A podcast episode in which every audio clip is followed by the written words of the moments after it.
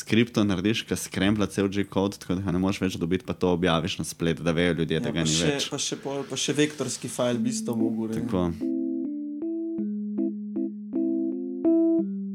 In Jaz, jaz pravim, da imamo dve stvari. Ne? Da imamo artistic research in research as artistic practice. Kar za me bi bilo to drugo bliže temu, kar pravi uh, tudi Krpan, torej raziskovanje kot metoda dela v umetnosti. Uh, jaz sem se igral z modularnimi sinte- sintetizatorji zvoka in pol v oscilator dajo te sounde. Uh, in pol tam v bistvu oscilator ti zvizualizira zvok, eh, sorry, ne, um, osciloskop zvizualizira zvok. Uh, in ga lahko pol na X, pa Y, Z, vseh ti pač ne vem, nariše kašno, ko plotati tako krivuljo. Z, z tega aspekta, da mi nekaj rože tam poslušamo. Ne? Stvar zelo zakomplicirana in če je potem vse skupaj tam na licu mesta opisano na tak bolj poetični način, kot je kle, da nekdo res misli, da ti furaš neko sekto. Uh, ne, ali je to problem, kako to rešiti, ali, ali, ali jaz kompliciram zdaj tukaj?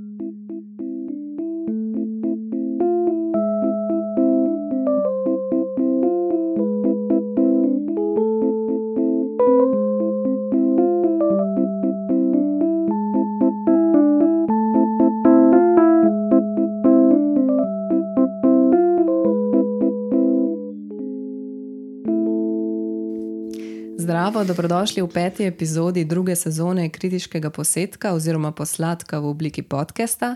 Danes je najen sogovornik Miha Godec, fotograf in intermedijski umetnik, surfer in lasnik zelo cute zlatega prinašalca.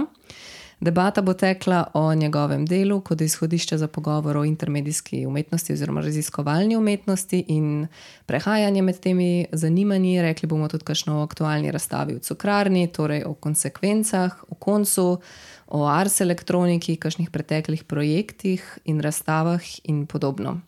Z vami sva tudi Jrnej Čuček Gerbec in Maša Žekš, ukvarjava se z likovno kritiko, kuriranjem, pisanjem in umetniškim ustvarjanjem.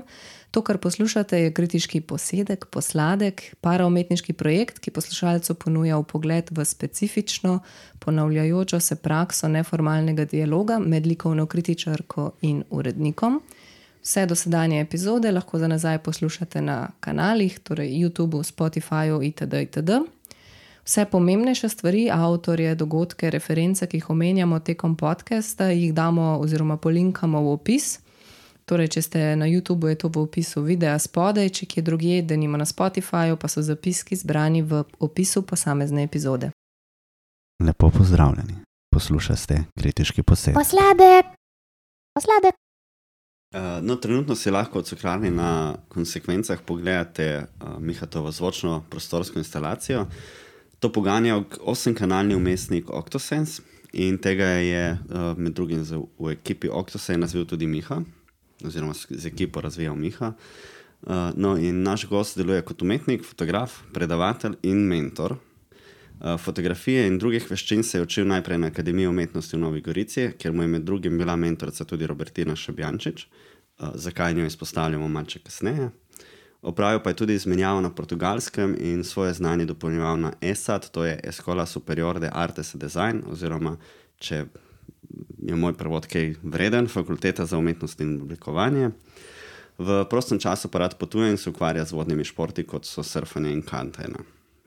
No, Mihotova dela oziroma instalacije se pogosto naslanjajo ravno na vodo in vodne vire, torej predvsem na naš odnos do narave in kako to vpliva na okolje. Natančneje vodo in akvat, akvatični ekosistem. Omenimo le nekaj vidnejših del. Roskov, ki osvetljuje delikatno simbiozo in ogroženost vodnega črva Roskofensis zaradi podnebnih sprememb. Palingenesis of Fluvial Dialects in Anthropocene Epoch, ker gre za instalacijo purifikacije čišč, oziroma čiščenja vode. In Kont Sense, ki se ponovno nanaša na čiščenje vode, predstavljeno skozi sonifikacijo in pojava suj. Suikin kutsu, ti imaš nekaj zakompliciranih izrazov. Uh, to je specifična japonska praksa, kjer voda kaplja v narobe obrnjeno posodo z luknjo in tako ustvarja specifičen odzven, ki spominja na zvok japonskih citar. No, uh, poleg vode pa ima uh, tudi poseben interes za virtualno resnič resničnostjo. In recimo leta 2012 smo, lah smo lahko na Spekulum Artium v Trbovljah videli uh, delo Davidov Pogled, David's Gaze, ki sta ga naredila skupaj z Valerie Wolfgang. Uh, tam si je lahko posameznik doživel uh, pogled kipa Davida, tako da se je nadel njegovo glavo, v kateri so bila nameščena veročala. Uh, no, tako na kratko o tebi, uh, v parih stavkih, da ne bomo samo povzemali cel, celotno zgodbo. Drugače, jaz bi sam klej, klej, prej, ki si rekel surfanje in pol, pol si uno kajtanje, tako mal dž. Kajtanje. Kajtanje. Ja, da ne bodo kakšni kajtarji, poslušalci, bili jezni. Ja, zdaj smo ga zamenjali za winganje. No, Kaj? Winganje. Winganje, ja, to, Okay, je, okay, to je nov to, je, ja, to je čisto nov šport, ko v bistvu imaš foil in lebdiš nad vodo. no, Ampak Aha, tak hydrofoil. kak- footnotes, da dodamo. Ja, sej sem sam povzel par stvari, ker je- vem, da si v svojih interesih na svotni sple- spletni strani napisal še nekaj pet drugih športov. Tako da, Pa nobenega ne veš, kaj je sploh. Ja. eh, slišal sem za njih. Ne, drugače, uh, kot prvo, ja, jo, jo, živijo. Uh, ful, hvala, da ste me povabila uh, v tale podcast. Um, prvo, prej mi karkoli začel, bi sam dol, da res uh, ful lep, pa tako dolg intro, tako polk en caj delaš stvari, ker malo pozabiš, kaj vse je že bilo. Uh, sam popravil bi te stvari, da ni zlat prinašalec, ampak je kužek labradorc. O, fakt, to, pa, to sem pač zajabala zdaj. In uh, ta druga stvar je, da nisem lasnik, ampak se bolj hecam, da ima pes uh, najo dva. Uh, Pod kontrolo. Ja, pes ima najo dva, nimava mi dva uh, našega kuška. Čak, torej hočeš reči, da Jrnej v tistem zapletanju in gim, jezični gimnastiki ni nič narobe povedal, jaz sem pa s tem psom kleči zafrknila. Okay. Um, Preveč osebne stvari. ne, se nikoli to moram popraviti, to bo zihen. Ne, drugače. Drugič um, mi tako pomahi, tako čez mizo. Tako. Um, ja, pa tudi kot prvo bi vas ful pohvalil um, nad tem podcastom. Se mi zdi res top, da je še v Sloveniji nek ta um, dodatek Hartu, nek ta long form pogovor, kjer se lahko vem, diskutira o razno raznih teh stvari, da ni sam neka. Neki članki v kakšnih revijah, in pa ne vem, tistih par sekund, ki mogoče so umetnosti namen um, priporočilih, ampak tudi, da so še neki taki long form pogovori, um, bodi si z avtorji, kuratorji, um, med vama in tako se mi zdi, da doda celemu temu spaceu. No. En izmed take, um, tale Aljoša Abram, ki dela sodobno umetnost za YouTube, to mm -hmm. se mi je tudi zdel ful uh, dobro, da v bistvu si dela nek arhiv. a Ne, da ni samo nekih obrazstavnih listov ali pa katalogov, ki pol grejo v nek, neko klet, kaj zvem. Um, ampak da je dejansko še na netu nekaj to živi in da lahko bodi si ali mladi tudi to malo spremljajo. No. Da se mi zdi, da je to res top. Uh, tako da, ja, full hvala in sem excited, da sem tle. Ja, hvala tebi hvala. za, ta- za to pohvalo in odziv, seveda, da si prišel danes k nama. Um, ja, uh, artisti skoraj težko zavrnemo, uh, da ne bi govorili sebi. Uh, ja, mislim, da je kar pomembno, da se pogovarjamo, kaj se dela in kako se dela in zakaj se dela. Zato, ker na razstavi vidiš nekaj, nekaj izveš na vodstvih, ampak uh, tega prostora za pogovor je pa res malo pri nas. Sploh tako, da bi bilo malo bolj sproščeno. Ne fajn je slišati, kaj ljudje razmišljajo zraven tega, ker delajo. Ja, moje prvo vprašanje je bilo, v bistvu se, se vračam nazaj na to vodo in tvojo ljubezen do vode. In uh, me v bistvu malo zanima, kaj je bil tisti ta glavno gonilo. Je bila ljubezen do vode v smislu, te, zato ker se tako z njo skozi srečuješ, skozi svoj vsak dan in svoje, svoje hobije, ali je bilo mogoče prej vzgib zaradi mentorce, kot sem prej omenil, ne, ki te- ki lihtko dela z vodnimi sistemi. Ne. Ja, jaz mislim, da je tle prišla iz tega surfanja, se pravi, to je uh, deskanje na valovih. Uh, Ponovno v Sloveniji radi omenimo surfanje um, kot tisto surfanje, ki je še jadro na, uh -huh. na deski. No, tle sem to dodal, da je to tisto surfanje, ki si v bistvu imaš desko brez jadra in v bistvu samo s telesno močjo, uh, se pravi s pedlanjem, ne, z veslanjem rok ali kriljenjem rok, um, probaš valo loviti in potem. Um, se nekako združiš s to kozmično energijo, ki se pocano premika za tisto tisočinko sekunde. Um, in v bistvu meni je ta šport čisto zasvojil, tako da um, je nekako pol iz tega športa ven prišla ta neka ljubezen do vode. Ta šport delaš in si skozi vodi in obdan z vodo. In pol v bistvu um, tudi malo te prisil, da potuješ okoli, zaradi tega, ker mislim, no, pri nam lahko tudi surfamo, ampak niso tako dobri valovi. In pol v bistvu te tudi prisil, da potuješ. Um, sploh v nekih državah tretjega sveta so mogoče še boljši valovi. Pa, um, Še bolj zanimivo okolje, in pa v bistvu nekako zelo veliko uh, tega mojega umetniškega izražanja črpam ven, ven iz teh izkušenj, ki sem jih v bistvu mogoče v surfanju uh, doživel, um, do razno raznih teh, ne vem, recimo, pazil sem, ne, da, voda, da voda ni pitna iz pipe. Recimo, en tak primer je bil tak zelo hiter, kamorkoli smo potovali. Za, za nas, slovence, je to zelo tak. Uh, Uh, ne razumemo tega čistega, ki tako doma, pač, ki si že in prej špipo, cep in imaš vodo pitno. Pa pa večinoma, kjerkoli smo bili, tako ne, ne, dve vode se ne pije, bog ne da, še tako zob si ne umivati, ne vem, kakšni Indoneziji si še zob ne umivaš tisto vodo. In pa je tako, tako kaj pa te ljudje pijejo v bistvu. Ne? In pa tako so se začeli neki prvi ti moji researchi. In pa tudi uh, pazil sem, koliko je v bistvu ocean unesnažen. Se pravi, ko smo surfali, uh, ko smo pač bili v tem okolju obdani, je bilo fulejnih smeti. Tako da že zelo hitro so nekako te dve stvari začele uh, vplivati na me in na moje to neko umetniško ustvarjanje. Je pa pol kasneje na, na uh, podiplomskem študiju, sem v bistvu spoznal Robertino Šebjanič in se mi zdi, da no, njeno to ustvarjanje znotraj vode in teh vodnih ekosistemov. In pa ta moja strast do te vode je bil takoj uh, en tak, um, ko bi rekel, ne, je takoj eno iskro in pa eno zanimanje um, spodbudil in ja, v bistvu se je fuleno tako lepo in plodno sodelovanje vzpostavljalo. Uh, vse uh, eno od teh del, lih palin genezis, ne je bilo takrat razvito, kot res vem, prav še v času študija. Uh, uh, ja, to je bil v bistvu moj magistrski projekt.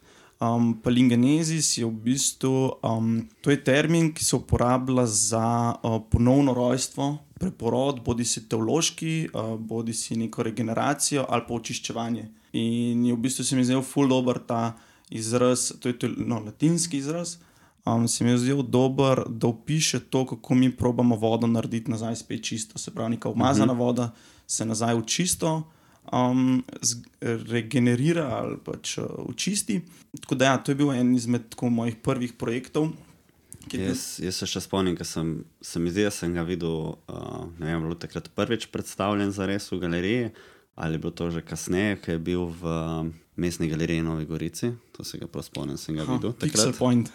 Uh, to, je bil za Pixel Point ali bo že prej? Uh, mislim, da je bil to Pixel Point. Možno, um, ja. Ja, jaz sem takrat prejel to, ta grant od MFRU za ne, so, oni so podelili kar neko tako š, uh, študentsko nagrado uh -huh. za mhm. neke štiri umetnike. In sem takrat dobil to nagrado, in, in pol, v bistvu sem dobil tudi nekaj finančnih sredstev, da sem lahko razvil ta projekt. In je pol ta projekt iz um, po MFR-u pa je bil v ta Pixel Point, um, na Pixel Pointu razstavi predstavljen. Uh, mislim, da je bila to druga predstavitev, no, ampak uh, ja, to je bil en tak zanimiv projekt, kjer je bil en tak ogromen. Vodni filter narejen. Ja, se spomnim, bil je tako, tako zelo surov, mogoče kot objekt, uh, malo uh, tako DIY-ovski. Sej, Tle me mogoče zanima, jaz sem pol sicer konsensa nisem videl, ampak eh, sem pa videl fotke od konsensa, ko je v tej obliki, ki je bil predstavljen v osmozi. Zdaj ne vem, uh, ena oblika je, ki je tudi bolj taka surova za ta konsens, ena pa pol ta, ki je res spoliran izgled. To, ne, v osmozi je bil spoliran, ne vem pa, kje je bil prej. Aha, um, ja, tale, uh, ta, no, se, ta uh, palingeneza, ne, ta prva je bila tako, da je bila res čisto čist črpala inspiracijo iz DIY. Ja. Uh, iz DIY kulture, to je v bistvu naredi si sam kultura, ker je bila ideja, da bi v bistvu na netu ti ta navodila dubu. Uh, jaz sem tle malo tako spekuliral, da v prihodnosti bo voda tako nesnažena, uh, uh, nekega tega governmenta ne bo, ki bi ti pri, zagotovil čisto vodo in pa si bo ljudje doma iz nekih flash in oglja in filtrov delali take DIY, homemade naprave, ki jim bodo filtrirale v dnevni sobi vodom. In tle je bila še tudi ideja, da bi od zadaj še ta naprava tudi zvok vode dela, medtem ko se filtrira. Ne. In da ta zvok vode te pa pol pomirja. No. Tako nekako je bila ta instalacija zasnovana, in pol kasneje uh, je tudi bila instalacija 2.0, Mm -hmm. uh, ki je v bistvu te iste principe vzela, ampak naredila malo bolj čisto formo, malo bolj tak lab-like, steampunk inspired. Torej, hočeš reči, da zate sta ta dva projekta malo povezana, tako en, en šov v drugega, ne nista tako nekako, ločena. Ja, ja, Ja, ja, se povezujeta. Mislim, hotel sem te vprašati, kako to, da si sploh šel na ta DIY look. Mislim, ok, um, zdaj razumem, zakaj, ker je bil pač to neko izhodišče, ampak potem si spet ta, ta izgled izčistil kasneje. Zdaj pa, jaz sem, seveda, sem pogledal tudi tvojo spletko, sem pogledal tudi tvoje fotke, kaj delaš in kako delaš. In, uh, kar se tiče fotografije, imaš že tako zelo oblikovano neko estetski pogled. Oh, dear. In uh, ne, ampak hočem reči, da tam, tam se ti naslanjaš na neko estetizirano podobo, da jim tako reči. In mi je bilo zanimivo, da potem, ko si prešaltal, oziroma ker to je mogoče bilo celo eno prvih del, ko si Ja, to prešaltal, je bilo ena izmed prvih. uh, nisi, nisi se naslonil na ta način estetizacije in se šel neki čist bolj tako raf, oziroma že skoraj ne back to basics, ampak tako uh, mogoče. A ta RAF oblika instalacije, o kateri govorimo, je tako, je bila v delu tudi na fotki. Ja, to je Aha, ko je bil tako nek bucket, pa pol Ja, ja, so ja, neke ja, ja, flaše, tako pa zelo pol še malo večje flaše, pa pol spet en bucket Ja, ja, ja. z neko verigo povezana, tako Ja, ja, iz, in se nekako iz stropa visi. dol visi. tako zelo, meni se zdela tako zelo, um, kako bi se rekel, uh, honest, torej pošten, ne poštena, ampak Iskren. iskrena. Ja, to, ja. Zelo iskreno, pač, ok, tu imamo te stvari, lahko naredimo to, postavimo zgled tako, zdaj, ne bomo, zdaj se ne gremo iz tega delati neko estetsko zadevo, ampak tako se da to narediti. Pol pa prej, pol pa, ker sem gledal po internetu in sem videl ta konsens, je bilo pa tako, aha, ne, sam skript imam. No, pol, ko sem gledal po internetu, je pa bil ta, uh, ta moment te hiperestetizacije. Se spomniš še potem, ko, se, ko se je pofotkala zadeva, ne vem, se je pija, ti je kdo drug. Uh, spomnim se tiste naslovke, ker je res tako, tako ok, to je popolnoma izčiščeno. Te, te kapljice se tukaj kondenzirajo in pol padejo.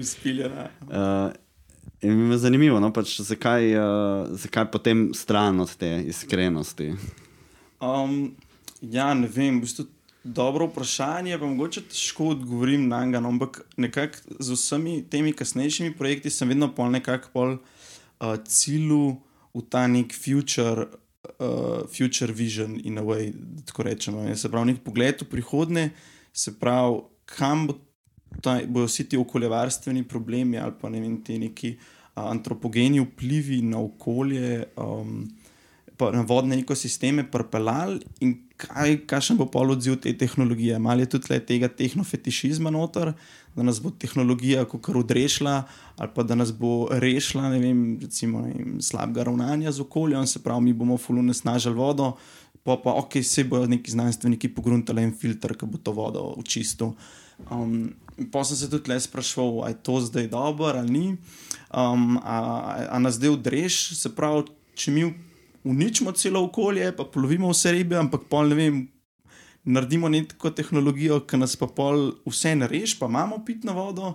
Je to zdaj ok, da smo naredili, kakšen je ta nek odnos? Na kleni, ki sem pol tudi začel ne, po tej tehnologiji brskati in tako, in pol mogoče, da tudi ta, mogoče malo bolj tak uh, izčiščen luk, pa pride iz tega, mogoče tudi ven, da sem pač začel po tej tehnologiji brskati. Da, Um, da so pač mašine ratale vedno bolj kompleksne. Pač Začetka so bile še zelo take basic, pa pa so bile Je vedno to bolj. mogoče pogojeno tudi s kakšnimi finančnimi sredstvi, ne glede na to, da več Ja. denarja, ko imaš, bolj si lahko prvoščeš že neki fancy. Tudi tud, tud bi se čist strinjal, zaradi tega, ker ta, ta prva instalacija, ki je bila, je bila tako zelo low budget delana. Tudi večino sredstev sem jaz sam uh, svojih lastnih sredstev noto to dajal, da se je naredil. Tako kasneje so pa pač pol, tudi sem že dobil še razpis in tako in je pol stvar bila tudi um, mečken lažja. No, je pa tako. Da mogoče se na prvi uči kakšne stvari zdijo, mogoče ne toliko DIY, ampak v svetu DIY je zelo veliko stvari še zmeraj kar precej DIY, ki jih imam jaz noter, tako ne vem, so razni, razni Arduino tipa, tako, um, pa razno razne. Kakšni heki, ki so na netu, pa 3D printi, pa se teh stvari v bistvu zelo, ne skriva, ampak se proba to nekako kot neko estetiko uporabljati znotraj tega. new Ja, media. ja, se, uh, imaš več teh struj, ne se zato mi je bilo zanimivo. Sploh, ko si omenil, da je tvoj uh, ta prvi pogled bil to, da, se, da, da govorimo o neki bližnji ali pa ne toliko bližnji prihodnosti, ko pride do nekega kolapsa in je treba potem se znajti. Pol, valjda narediš iz tistega, kar imaš okoli, stvari mogoče ne bojo zdaj razčiščene. Če imaš pa pač na, na razpolago, tako da govorimo vse, kot se reko, ti o neko slabo, ampak pozitivno prihodnost, pa mogoče imaš sredstva, da lahko ti te stvari lepo na cence mašini postružiš, narediš, da zgledajo. Tako, mogoče tako, če primerjamo originalni Apple raču, računalnik, tisti, ki je bil ta prvi, prvi, prvi, ki so ga naredili še prej, preden so dobili financiranje in vse to, da bi, lahko začeli prodajati, ki je bil pač praktično sam vezje, pa čipi, pa to vse neki nago. Ali pa pač današnji njihovi produkti, ful razlike. Ne? Ja, mogoče, mogoče bo zdaj glizar tega ta, prva instalacija, ful ful vredna nekega dne. Najbolj grozen je, da je v bistvu v eni škatli v garaži zapakirana čez Boga. To je tudi en problem, no, veliko tega ni v medijih, arta, uh, no, v medijski umetnosti, da se ful težko hrani pa arhivira vse te stvari. Ampak ja, je nekako tako, no, pač so to bili neki začetki. Tle je bilo tudi ful enega researcha narejen, ker sem tle s to instalacijo prvič vstopil v to idejo očiščevanja vode. Takrat so pol v bistvu na netu najdu, da je veliko enih informacij, kako vodo očistiti. Ampak ni mi šlo pa s tem skrb, kako pa to, da ne vem, recimo, bili smo v Gambiji, um, sem delal z enim čeritom, uh, čist fotografsko, ampak sem usporedno delal pa ta research s to vodo. Pa malo ljudi intervjujejo, pa kaj, kaj oni, kako oni vodo dobivajo, pa kaj se dogaja s to vodo. In, in bi bilo pa ta glih ta preseg, da jaz lahko lepo googlam, pa najdem vse neke DIY načine, kako se nek filter naredi, uh -huh. um, od nekih slow sand filtrov, pa uh, tega z aktivnim oglem in tako. Pa pa te ljudje tlepo v bistvu imajo Facebook, imajo internet, ampak ta informacija pa nekako ne pride tja, ali pa sploh ne vejo za to, ali pa ne naredijo tega in pa tako prav, ok kaj se zdaj v bistvu tle dogaja. In pa je bila tako imel ta svobodni internet, ki smo mislili, da nas bo internet osvobodil. A, oziroma, rešil ne vem, kako, da, bo, v bistvu, da bo informacije prosto dostopne, ampak na koncu. Ja, včasih, včasih s temi stvarmi in rešitvami moraš tudi upoštevati, kaj je dostopno v okolju. Ne? Pri nas, če nekaj ni dostopno, to najdeš, so razmeroma enostavno, se da dobiti. Uh, druga pa tudi, da te bo malo usmeril, uh, so pa tudi lobiji, kot so Nestle in tako, ker privatizirajo vodo in je s tem velik problem. Ne vem, kako se je kaj v to poglabljal, rebit hole. to, to je kar rebit hole. Ja. Um, ta private, privatna voda, ne, to je, je tako čist crazy, da v bistvu vse tudi pri nam je. Ne. Načeloma je kao voda od nas, ne, da smo zakonali v ustavo. Um, ampak še zmeraj se pa te koncesije podeljuje, kdo s temi vrtinami upravlja. Tako, tako, to je cela scena. No? Tako da je tudi en layer mojega arta, ki ga naslavljam, je tudi malo to skrit noter, ne to gospodarjenje z vodo, pa, pa kdo je zdaj odgovoren za to. No? Tako da deep down so ja, te stvari. Si že kje razmišljal, da bi naredil eno delo pro temu? A prav v, v, ja, prav v privatizaciji, v privatizaciji in vode. Hip, hiperkorporizaciji in izkoriščanju in tako dalje. No? Ja, um, tudi sem razmišljal, Je pa tako, da um, jaz v svoji umetnosti sem poskusil biti ne toliko um, aktivističen, se pravi, da mogoče um, ne usklikam na vse glas, da treba rešiti okolje, mi smo slabi, gor dol. Ampak sem obral ta pristop, da probujem narediti neke take instalacije, ki te neke subtilne zvoke narave, predvsem tle to kaplanje, um, pretakanje vode te neke subtilne zvoke postavljajo v ta intermedijski prostor, da probajo gledalcu, v bistvu obiskovalcu, temu, ki izkusi to instalacijo, nekako mogoče izostriti te čute, a, da je mogoče bolj dovzeten do nekih teh subtilnih zvokov narave in da pol skozi. To, kar se je mogoče malo poglobil vase, malo, ne vem, kako bi rekel, zameditirali ali pa se pomirili, mogoče pa tudi bolj cenimo naravo. In sem v bistvu ta pristop nekako obral v teh delih, da mi probamo skozi ta inner self biti bolj pozorni do narave. In da ni toliko tega zdaj v bistvu nekega aktivističnega, pa kaj. Ja, mogoče, mogoče bo kakšen future project. Boš videl, kako te zanese v to. Kako te, te je za zanesti nekam. Ja, ali pa kdaj se bo zgubila ta vera v obiskovalce in občinstvo, ki je dovolj dovzetno in samo kritično. In tako. Drugač, uh, zdaj jaz sem tukaj v tem, ko smo pregledali ta članek o delu omenjali, tam piše, da si ti eno leto študiral biologijo. Um, sem te hodila vprašati, mogoče kako je kaj s tem in v primeru, da to drži, kako je bilo in na kakšen način pa to zdaj vpliva na tvoj um, mogoče izbor ali pa neko to vejo, kamor se je ta tvoja intermedija razvila. Ja, to je res. Ja. Jaz sem uh, dve leti v bistvu študiral, uh, študiral biologijo. Ko se je moj študij začel, pa, pa ne vem, mogoče da malo zaradi pomankanja kreative, uh, sem, začel, sem šel pa v, v študij digitalnih umetnosti, predvsem fotografijo.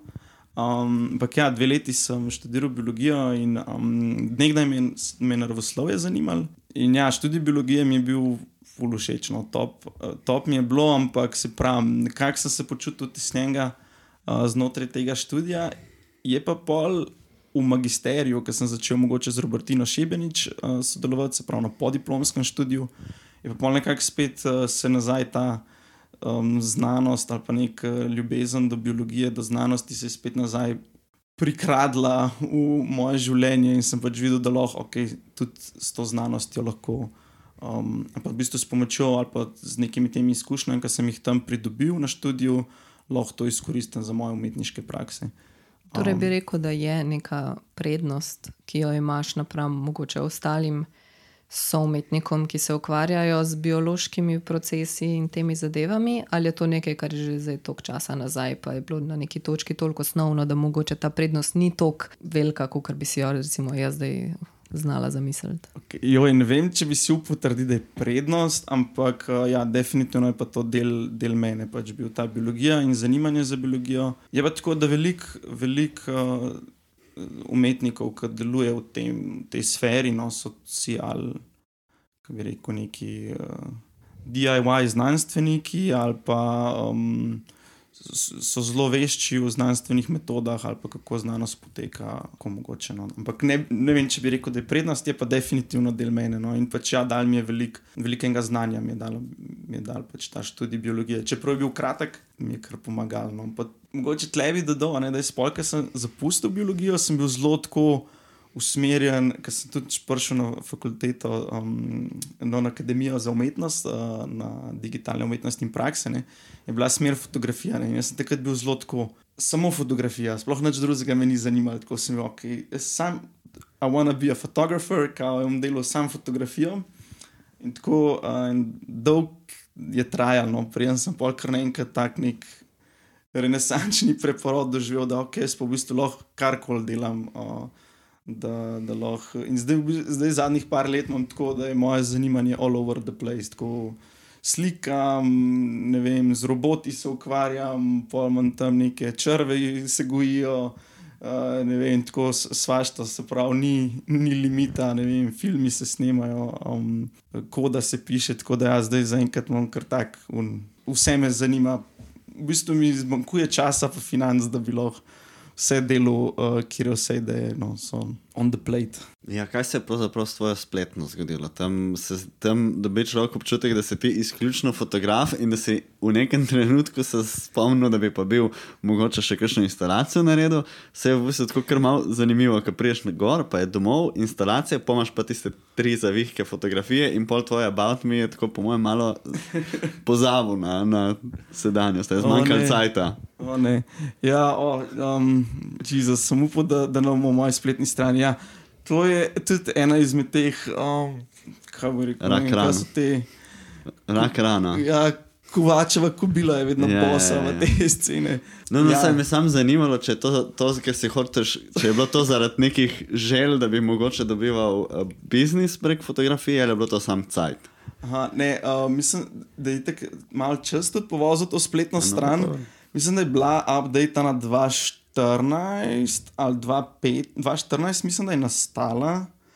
In da sem potem 2017 ali 2018, glika sem začel malo ta art delati, sem sam hitro dodal za vihek mm -hmm. instalacije in še mislim, da te celo odpelje na en PDF. Ja, ja. In če kličeš, še klikneš v PDF, in mislim, da celo v imenu uh, 2018, zgoraj ali 2019, tako je čez bed.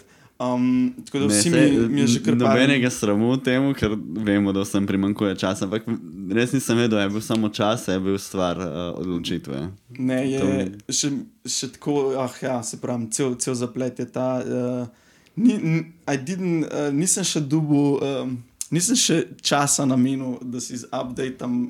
Že si predstavljam, da tako pol eni ljudje pišejo neke maile, mihi, tako, a bi prišel ti fotkat mojo poroko, neki, neki, kar ima kletko na spletni strani. tako. Včasih sem poroke slikal. Ja, to je bil, mislim, sem tako, do, mogoče do 2019 sem imel čist serious photography business, kjer sem, ja, fotografiral, v bistvu sporočno fotografijo sem začel, pa pa na eni točki res nisem mogel več. Um, Ampak tam je tako največ denarja, ali kaj, pa folk se toliko poroča. ljudje se skozi poročajo. Tako da dejansko je skozi market. Um, sicer je zelo veliko, eh, tudi zelo dobrih fotografov, tako da je market tudi kar nasičen, ampak je en tak najbolj easy entry market. Priti mač naredi spletno stran, malo se oglašuješ, dobiš par, par porok, mogoče za ston ali pa za zelo pocen poslikaš in si v bistvu že not in the business. Če se še malo naučiš dobro delati, imaš kar naenkrat lahko zelo dober portfolio in si noter. In ja, v bistvu poročna fotografija je zelo težka, zaradi tega, ker imaš event, ki traja skoraj cel dan, skozi moraš biti na preži, se pravi, skozi moraš loviti te momente, dobro moraš kompozicijo delati, svetloba se ti skozi spreminja, na koncu v bistvu jih moraš znati postavljati, tako kot neko portretiranje ali pa malo kombinacija fashna. S tem, da ti mo modeli, ki ti pozirajo prvič v lifeu, so za foto, mislim, pred fotoaparatom, tako je zelo težko. No? Um, ampak ja, se pa zelo veliko naučiš. Tako da, uh, ja, jaz sem imel pol počasi ven od tega iz tega in sem delal zelo veliko komercialne fotografije, uh, tako da sem bil na setih in to. Um, ampak sem pol imel en tak. Uh, Ko bi rekel, eno tako, ena taka razdvojenost se je v meni začela dogajati, ker sem začel vedno več uh, nekega arta delati, ki je bil mogoče ekološko uh, usmerjen. Um, mi smo pa snemali, ne vem, reklame za plasten, za, tele, za flaše, kaj je že tale voda od Uniona Zala, recimo za flaše. eh, Za, za, plast, mislim, za vodo v plastenkah. Ne, je bilo tako, no, aha, tam probam nekaj v recikliranju govoriti, a tako moj day job je pa, ki grem fotkat for the corporate world in je bilo tako samo, oh, Jezus, kaj zdaj delam iz sebe. I, I sell my soul. um, ja, zdaj le sem jih iz dopusta, tako da Ah, sem si končno vzel malo pauze, um, o, tak 14-dnevni kratek oddih, ki mislim, da je pomemben za vsakega ustvarjalca. No, da si, čeprav si doskrat ne, no, se mi zdi, da si artisti kar malo vzamemo časa, da je tako skozi nek ta. Da je že tako v, v, v, v Sloveniji en tak, eh, kako bi rekel, malo tak nek stereotip unga lenga artista, da smo tako malo leni. Um, Sam ti bi pol mogel tako iti gore, ne da si šel na plažo spet. Ja, ja ali čistko, kao še od uh, surfanja, pauzo. Um, letos sem si vzel tri dni, kao tak social media detox, da sem šel v eno, eno kočo, sva šla s punco, kjer je bila sam sauna in so bila tam tri dni, telefon je bil na off. Uh, sem kao mal premislil o življenju. Uh, to je bil en tak, ena pauza, taka mini, ki sem jo naredil.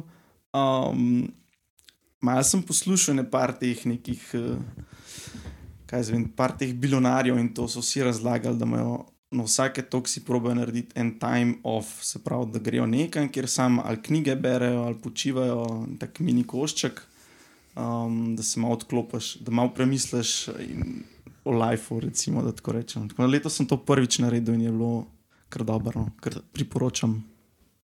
Je bil tak tridnevni, I wish I could do more. zdaj bi lahko prosili sonček ali pa kakšnega te za sponzora, veš. Aj, kakšno turistično agencijo.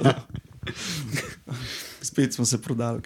Ja, mi smo, delamo zdaj, Ja. ja. mi smo da Se išče sponzorja. Ampak ja, no, to sem hotel reči, da je zelo da je pomembno, da si znaš tudi time off vzeti uh, in da ni čisto nič narobe s tem. ne. Ker se mi zdi, da v Sloveniji je malo ta neka kultura, ali pa tako, no, malo tako stereotipno, ne, in da umetniki so pa ja vsi full lazy. Ne, ne, mi smo v Sloveniji smo vsi deloholiki. Exactly. In, tudi, in tudi umetniki so, se mi zdi, tako, vsaj te, ki jaz poznam, pa s katerimi sem obkrožen, to so vsi deloholi. Mislim, vsi na hard delajo. Umetnost je 24-7, od razpisov do produkcije, do vsega, do razstav, do tega. In se mi zdi, ja, no, da, da lahko hitro pride tudi v te, v te sferi do nekega burnouta. No, in da, da je do, prav si vzeti tudi malo časa za sebe, pa malo odmisliti. Se zdaj, ko si omenil te uh, druge artiste in to okolje, te druge umetnike, jaz bi se v bistvu še rad naslovil malo in na konsekvence, in na splošno na našo intermedijsko sceno. Pa m, bi morda tle za uvod vzel kar uh, MAST, torej Master in Art Science and Technology, ki je bil na Akademiji umetnosti v Novi Gorici, oziroma ki je projekt, v katerem je sodelovala Akademija in Kersniko in še nekaj tujih partnerjev. Ti si tam bil tudi zraven, nekaj, kot vem, si pa sodeloval tudi v projektu KONS, ki, ki je pa v bistvu projekt, ki je, iz katerih so nastale konsekvence, ta festival zdaj, ki je tudi v Cukrarni in se je izkusil obe stvari. Uh, zdaj pa mogoče jaz tukaj še na hitro kot ozadje dodam to, da jaz sem bil uplet, jaz sem takrat bil tudi nekaj časa zaposlen na akademiji, pa sem bil malo, malo pr, in pr malo pri tem mastu in, mal, in pri koncu. Tako da malo, malo poznam te stvari, mogoče zato za nevedneže, oziroma za tiste, ki nimajo tega po, uh, bolj eh, tega globokega pogleda v te projekte. Uh, Mast je takrat razvijal nek modul, za kako bi se v bistvu kombiniralo vse te tri polja, z umetnost, znanost in tehnologijo. In takrat sta tudi Kersnikova in Akademija bila v to blazno upleteni, tudi ideološko in so postavljali ta program. Uh, vem pa, da se je ta program potem selil, oziroma bil vsaj inspiracija, vsaj za del konca, če ne večino, oziroma ste, se, se nekako konc razvijal iz teh izkušenj. Ampak tukaj pa bi zdaj šli na tvojo izkušnjo kot mogoče koristnik oziroma uporabnika oziroma deležnika v obeh primerih. Zdaj, uh, začnemo morda pri mastu ali to, da gremo kronološko. Um, ja, jaz sem v bistvu takrat glih zaključoval uh, tale uh, podiplomski študij uh, iz medijskih umetnosti, predvsem iz sodobne umetnosti, pa se pravi novih medijev. In takrat je glih ta mast uh, modul in Art and Science se pojavil. Um, in ja, takrat so mi ga v bistvu na šoli priporočali, če bi se ga udeležil, da bi to bilo zelo koristen. In tudi tako sem uh, en, v bistvu ena izmed prednosti, no, da sem takrat glih bil na tem študiju, je bil tudi ta, da sem se udeležil lahko tega programa Mast. Meni je bil zelo koristen. Um, tudi z eno tako dosti dobro ekipo smo se, v bistvu, mislim, tako smo se spoznali, no, različni študenti iz različnih faksov, zaradi tega, ker so tudi, uh, mislim, da je še uh, Univerza iz Graca. Ja, Graz je bil, Graz pa je bil Miti, ne, ali kaj vpleten, že. Pa iz uh, Madeire, se pravi Portugalska, je ja, bil ta inštitut Miti. Um, in Se smo se v bistvu poz- spoznali tako ena taka lušna ekipa umetnikov in ustvarjalcev in dizajnerjev se in arhitektov se je ustvarila. Uh, in smo pol v bistvu mi bili tako cel let, smo po določenih nekih takih delavnicah okoli potovali, no tudi šli na Madeiro. Uh, in, in v Grac, in, tako, in, in je bilo ful dobro. No. Za moje ustvarjanje je bilo dobro, zaradi tega sem dobil uh, enih pogledov iz različnih sfer. No. Tudi, takrat sem se tudi uh, kodo naučil delati v Pure Data, uh, se pravi s temi nekimi interaktivnimi urodji. Uh, potem na Madeiri smo imeli en tak ogromen laboratorij za rapid prototyping, se imenoval za v bistvu hitro prototipiranje. Uh -huh. Uh, oni, Madeira je otok ne, in on, oni karkoli v bistvu rabijo, traja ali z letalom, da pride, ali pa ne vem, par tednov z ladjo. tako da ne če oni neki delajo na nek, neki, da rabijo en zobnik, a ne, je pol boljš, da si ga kar tam naredijo. Ne, in so imeli v bistvu celo to ogromno mašino, CNC, pa 3D printerje, pa enega tehnika. In mi smo tam bili en teden in smo lahko delali karkoli v tistem lebu. In tako, no, tako da ta, ta, ful, ena taka dobra izkušnja je bila meni overall. No. Ful enega uporabnega znanja mi je dal, uh, enih zanimivih mentorjev in ljudi uh, sem spoznal in overall je bila v bistvu super izkušnja. Ampak to, tak, to, je delova, to je bilo zate v bistvu res bolj izobraževalno. Ne? Ja, tam sem bil v bistvu čist kot uh, študent, uh, notor. In ja, Kaj pa v, kon, v koncu? Ker to na koncu je ratala produkcija iz tega, kar sem zastopil. Ne? Ja, v bistvu konc sem bil pa povabljen strani uh, zavoda Projekt Atol. Um, oni so znotraj konca razvijali ta osemkanalni, um, osemkanalni umestnik. Uh, Octosense, v bistvu je to sintetizator zvoka, ki s, pom mislim, s pomočjo senzorjev sintetizira zvok. Po domač povedano, lahko priklopiš neke senzorje gor in on naredi zvok. Je pa tudi to taka enota, ki ga lahko v modularne sintetizatorje priklopiš in ustvarjaš glasbo. Uh, no, in oni so razvijali ta projekt dve leti. Um, tako da jaz v bistvu tega nisem razvil prav. Uh, to je bila ekipa, um, kako bi rekel, ljubljanskih uh, navdušencev z Sinti, uh, ki se dobivajo na osmozi in oni so v bistvu razvijali tekom dveh let uh, ta umestnik. Pod mentorstvom Vaclava, to, je v bistvu, to je eden izmed co-founderjev Bastel Instruments. To so zelo znani moduli za modularno sintezo. Tako da, ja, no, in pol v bistvu projekta tole pa mene povabil, da naredim instalacijo uh, s pomočjo teh, uh, tega Octosensa. Torej, se tukaj pol dosti manj nastopil v tem, tem uh, vidiku produkcije, ampak se je prišlo že v bistvu koristiti nekaj, kar je zraslo znotraj konca.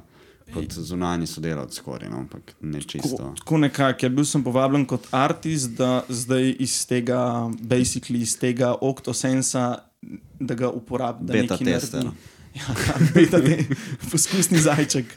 In eh, mislim, sem bil tudi v produkcijo upet, da, sem pač mog, da smo mogli narediti to instalacijo in pač pogruntati, kako, kako to prpeti in kaj zdaj povedati in kako narediti. Ampak ja, bil sem v bistvu bolj v teh v zadnjih stadijih, sem noter bil upet in čist kot, ja, kot artist. Ampak zdaj ta zadeva je v tem primeru v cukrarni, pri konsekvencah, prepeta na tisti uh, tist na tist vrt, ne? na tistega ja, pajka. Na, na Stela Verde, to je v bistvu zelena, zelena stena. Um, ja, tle je v bistvu prpeta, je gor samo zaradi tega, ker mi rože uporabljamo, rastline uporabljamo za impulze dobivati. Drugače bi pač lahko bile tudi kjerkoli rože. No. V tem smislu je povezan s steno, je pa ločen projekt. Um, mislim, da je do 2. do 2. aprila uh, še razstava, tako da če kdorkoli si hotel, si lahko gre pogledat. Ker se mi zdi, da mogoče tam konkretno na tej razstavi, ne, zdaj ta povezava ni tako jasna. Še posebej mogoče zato, ker na, ne vem, če greš ti na spletno stran od konsekvenc, ne, ker se tega Octosensa piše bolj tako. Ne. To je projekt, ki združuje načela skupnostnega sooblikovanja, bla, bla, bla. No, stvar je zelo tako malo poetično napisana v smislu, da je, meni ni bilo nič jasno, kaj zdaj tam gledam, s tem, da še posebej v tem, ker je fora, da je pri tem sodelovalo milijon ljudi pri tej zadevi, ne, ki sicer so našteti tam, je pa v bistvu kot avtorstvo pa si naveden ti. Ne. Zdaj, meni je bilo zelo tako. eh, Za nekoga, ki mogoče um, ne razume poteka, ali pa ni bil zdaj že tri leta plus upleten v to zadevo, ne, ta razmislek o razumevanju avtorstva pri um, pr takemu tipu umetnosti, oziroma projektih, oziroma raziskovanju, ne, kako se zdaj lotiti tega, um, kakšna so pravila, predlogi, ne vem, za stvari, ki jih pač naredi 50 različnih ljudi, s tem, da pač en dela to, en to, en to, en ima samo idejo, en samo tam to um, vzdržuje, mogoče. Ne? S tem, da še potem je nekako, um, zdaj, ok, niste neke ločene rože dali tja, ste pač pripeljali na uno najbližjo rožo, ki pa je tudi nek projekt zase, kjer je spet milijon ljudi zraven. Ne vem, to sem te hotel vprašati, kako kako se to gremo, ta, ta moment tega. To je ful dobro opozvanje in v, v tem se pravi new, me, new media prostoru ali pa v neki tej sodobni raziskovalni umetnosti je to kar standard, da je v bistvu v teh kompleksnih projektih vedno upleten, upletenih več ljudi, od znanstvenikov, laboratorijev, organizacij. Um, lahko je tudi več umetnikov, ne vem, je en bil zadolžen za en del projekta, en za drug, ali so neka sodelovanja. Um, tudi dolgotrajni projekti so doska, da do se traja ne vem, dlje časa. Tako da, ja, no, tle, tle je to kar standardno in to neko sodelovanje, um, mogoče malo drugače kot pri neki likovni umetnosti, ki pač je avtor naredil sliko in je to zelo logično, ok, on je to naredil. Um, ja, tle recimo v tej naši, naši instalaciji, ki je v cukrarni razstavi, je direkt to, ne, da je v bistvu ta modul je zrastel v Sloveniji, se pravi, naredili so ga na osmozi, cela ta ekipa. In jaz v bistvu sploh ne bi take instalacije mogel narediti, če ne bi ta ekipa tega naredila. ne. Pač in, Ampak to je, mislim, da gre za kakršen koli instrument. Se, če gledamo na Octosense kot neka vrsta instrument, vedno je od zadaj neka ekipa, ki to razvija. Ni nujno, da ta instrument potem je plod neke umetniške ali pa umetniške skupine, oziroma umetniškega ustvarjanja ali pa umetniškega procesa, lahko je popolnoma podjetniška odločitev. Ne. Recimo, če bi Korg rekel, da hoče narediti nek. Uh, Nek sintetizer z vem, 16-kanalnim, mi vhodi 5 analognih, mislim, 8 analognih senzorjev, 8 digitalnih senzorjev, in pol z nekimi moderatorji. To bi bilo čist čist navadna poslovna odločitev, pa bi imeli tam skupino dizajnerjev, uh, tehnikov in, in inženirjev, ki bi to razvili in spravili skupaj. Ne. Mislim, uh, mogoče je tukaj malo čudno, mogoče je res, ki ga je nekdo naredil v smislu, da je to nek umetniški projekt. Ne. Aha, ne, si mislim, da tle je bila bolj ideja. Drugače, to se čist strinjam s tabo, ja. to, to, da je, da je pač čist ležite, da bi to bil lahko čist nek komercialen venture. Um, Ampak um, tle je bilo malo tako, uh, tudi ta ideja, no, da se tudi izpostavlja, da je to bilo narejeno zaradi konca. Um, ampak sem pa jaz le predstavljen kot avtor. Sem, kako je to v instalacijo dan, pa kako se to povezuje, pa kakšen sound dela, pa ta ideja, vse to v bistvu sem jaz na pletu. Um, tle sem predstavljen kot avtor, ampak je pa tudi kreditiran nekako to, da, so, da je to bilo tle narejeno. Meni je drugače, meni je bilo tudi smešno, um, čistko off-topic. Me je par prijateljev vprašal, ki piše ne oktosen skupnost. So me pol hecali, če imam zdaj že skupnost uh, kot neko versko skupnost, če že imam, imam tu neke followerje, ki Ja, je, mislim, ima že kar svojo skupnost. Tisto mislim, da je res malo, malo čudno zapisano, tem, ker meni je tudi za- zaneslo. Jaz sem mislil, da je to nastalo. Res, mislim, ko sem bral ne, na, na, na konsekvencah, isto sem tudi jaz pobral, kot, kot češ, da se je to skupaj razvijalo, da si bil tudi zraven. In da je pač ena en odvod, oziroma ena stvar od teh, kar je bila pri, pri, pri, pri, pri izdelavi tega. Pač, um, Sintetizer oziroma modulatorja, kako koli vzamemo, uh, pač instalacija, ne? da si bil pač zraven že pred Ne, tem. saj sem tudi bil že prej, ampak sem prišel zelo pozni, poznem stageu, sem prišel zraven. Um, v bistvu sem bil tako mal kot uh, user feedback, sem jim dajal, se pravi, kako jaz vidim, da to uporabljam v svojih instalacijah. In tako je pol tudi prišlo do tega, no, da, sem, da sem v bistvu.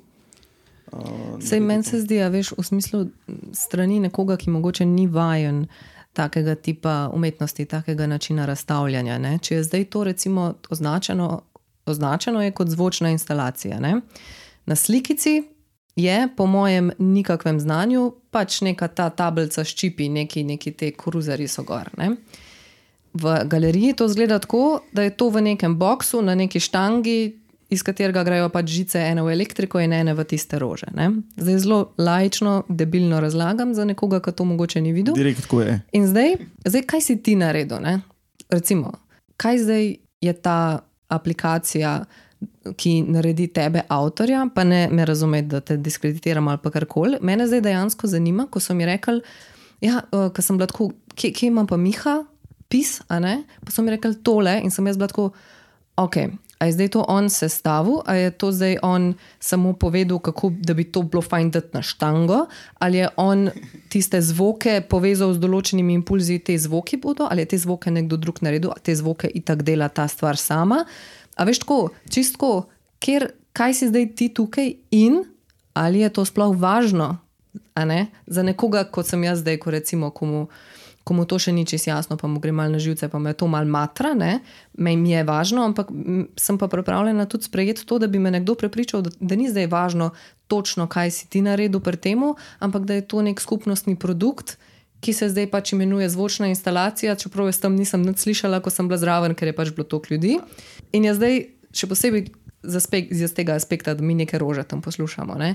Stvar zelo zakomplicirana in če je potem vse skupaj tam na licu mesta opisano na tak bolj poetični način, kot je kle, da nekdo res misli, da ti furaš neko sekto. Ne, ali je to problem, kako to rešiti, in ali, ali, ali jaz kompliciram zdaj tukaj? Kako bi ti to ocenil? Dobro vprašanje. No? Tako, uh, in tudi no, skoraj vsa ti lahko odgovorim. Uh, oni so v bistvu samo naredili ta modul. Tako da za vse, kar, uh, se pravi, kar si slišal, kako izgleda, kako je povezan, kaj, kako je sprogramiran ta modul, za vse sem v bistvu odgovoren jaz. Jaz sem ga dubil, uh, mislim, da sem se začel igrati s tem modelom že nekaj časa nazaj, in pa sem v bistvu skoraj en mesec intenzivno se ukvarjal s tem, bolj ker sem zvedel, da, bi to, da bo to bilo v cukrarni. Se en mesec intenzivno ukvarjal s tem, kako to narediti zanimivo, pa kako to narediti, da ima nek smisel, pa logiko, in da to tudi deluje kot instalacija. Ker ta tool je načeloma mišljen bolj kot nek, nek performance tool, se pravi, gre to kot sintetizer in pa se igra. In tle je bil full velik challenge men, oh, a, jaz skozi angliški izraz uporabljam, ampak velik izziv je bil meni, da, da naredim to kot instalacijo, da lahko to tam en mesec. In da bo dejansko dobival te impulze od rože, in da bo dejansko delal nekaj, kar bo imel smisel, in da se bo tudi slišal dobro. Tako da, ja, no, tle sem imel kar v bistvu prste skoraj pri vsem, razen pri tem, kako ta sam modul zgleda in dela, in še tam sem pač neki feedback in da v kaj bi si je želel, pa kaj bi bilo smiselno. Da dam mečko od zadja, no, ta instalacija se imenuje Delta. Uh, in v bistvu gre za biosonifikacijo. Se pravi, kaj je biosonifikacija? Preprosto povedano, to je, ko mi probamo dobivati z znanstvenimi inštrumenti neke biološke podatke. Um, v tem primeru gre za to, da mi na uh, rože preklopimo dve elektrode in vsa živa bitja imajo električne impulze. In mi merimo uh, s to napravo, s tem oktosensom, mi v bistvu merimo resistance, se pravi upornost rože. In zato, ker ima ona še te električne impulze not, dobivam jaz skozi ene podatke, tako data notrane. In ta data se pol uh, s to napravo sonificira, se pravi ozvoči. Zdaj v znanosti mi lahko te podatke tudi v neke grafe damo, pa opazujemo te grafe. Pa gledamo neke vzorce, kaj se zdaj v teh rožah dogaja. Razli, različno se lahko to aplicira. Biosonifikacija je pa mogoče nekaj drugačen pristop, da pa probamo z zvokom te podatke razumeti. In tle je tudi ta zanimiv element, ne, mi, dosti, mi smo zelo vizualna bitja, tle gre pa za to, da te podatke mi sonificiramo. Ne. Zdaj, kašni so pa rekli, ja, a pa te rože zdaj meni pojejo tle, a pa se odzivajo na mene. To je zdaj ne vem. Ne. Um, jaz pač samo dobivam neke te skorda ki bi rekel, neke random data, čeprav niso random, pač roža delati neke procese in jih sonificiramo. No. Tako da um, to kot te neke biosonifikacije in uh, kako je bil ta projekt nastavljen.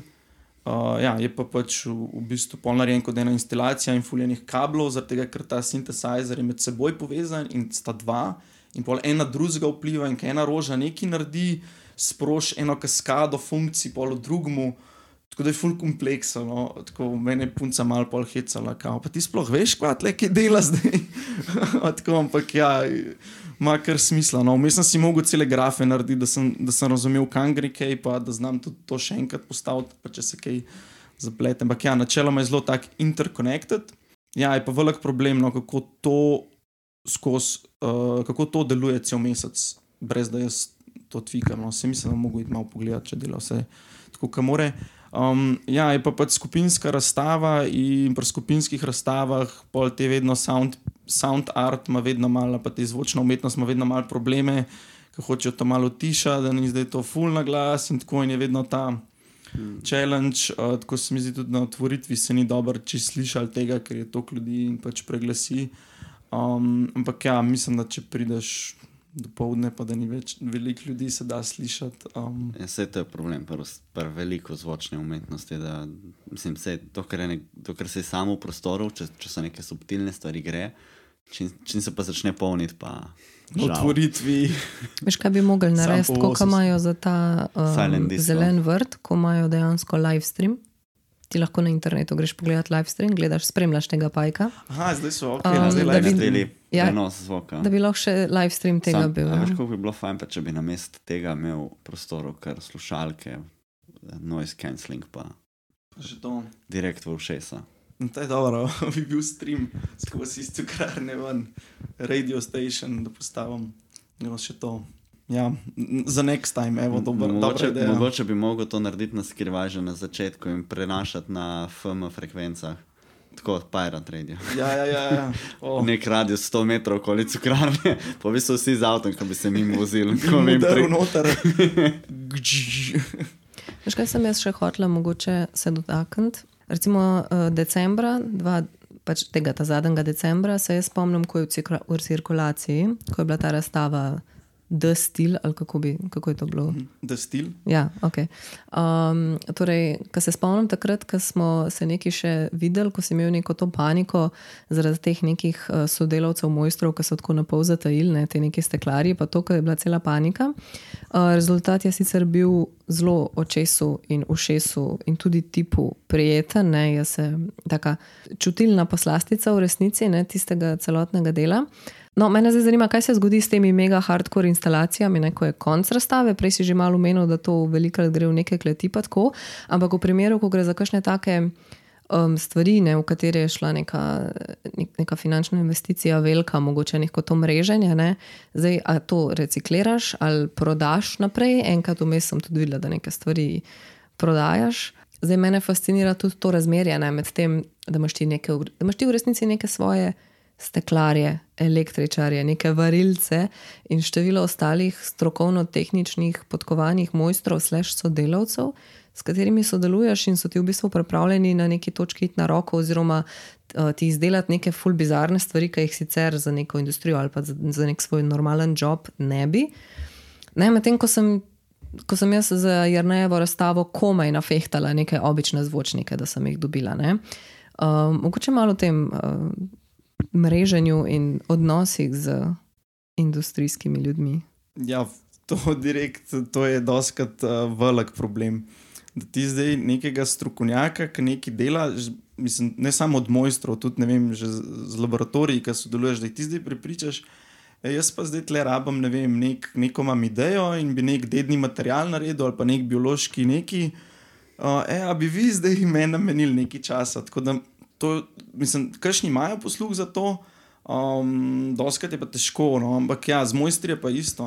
Tle v bistvu se postavlja neke konstrukcije, uh, razno razne laboratorijske opreme se dela, um, ja, svoje steklo pihače imamo, s katerimi imamo zdaj malo probleme. Um, ki gre v penzijo, pa tako no, v pokoj. Ampak ja, no, tako, mislim, moraš si kar nabrati eno, eno mini ekipo, Tako da večina teh naših uh, new media artistov ima eno, skoraj eno manjšo ekipo, ali pa recimo te neki zavodi, uh, kot so Galerija Kapelica ali pa uh, Zavod Projekta Katol uh, ali pa Axioma, imajo vsi neko v bistvu, ki se ukvarjajo s produkcijo.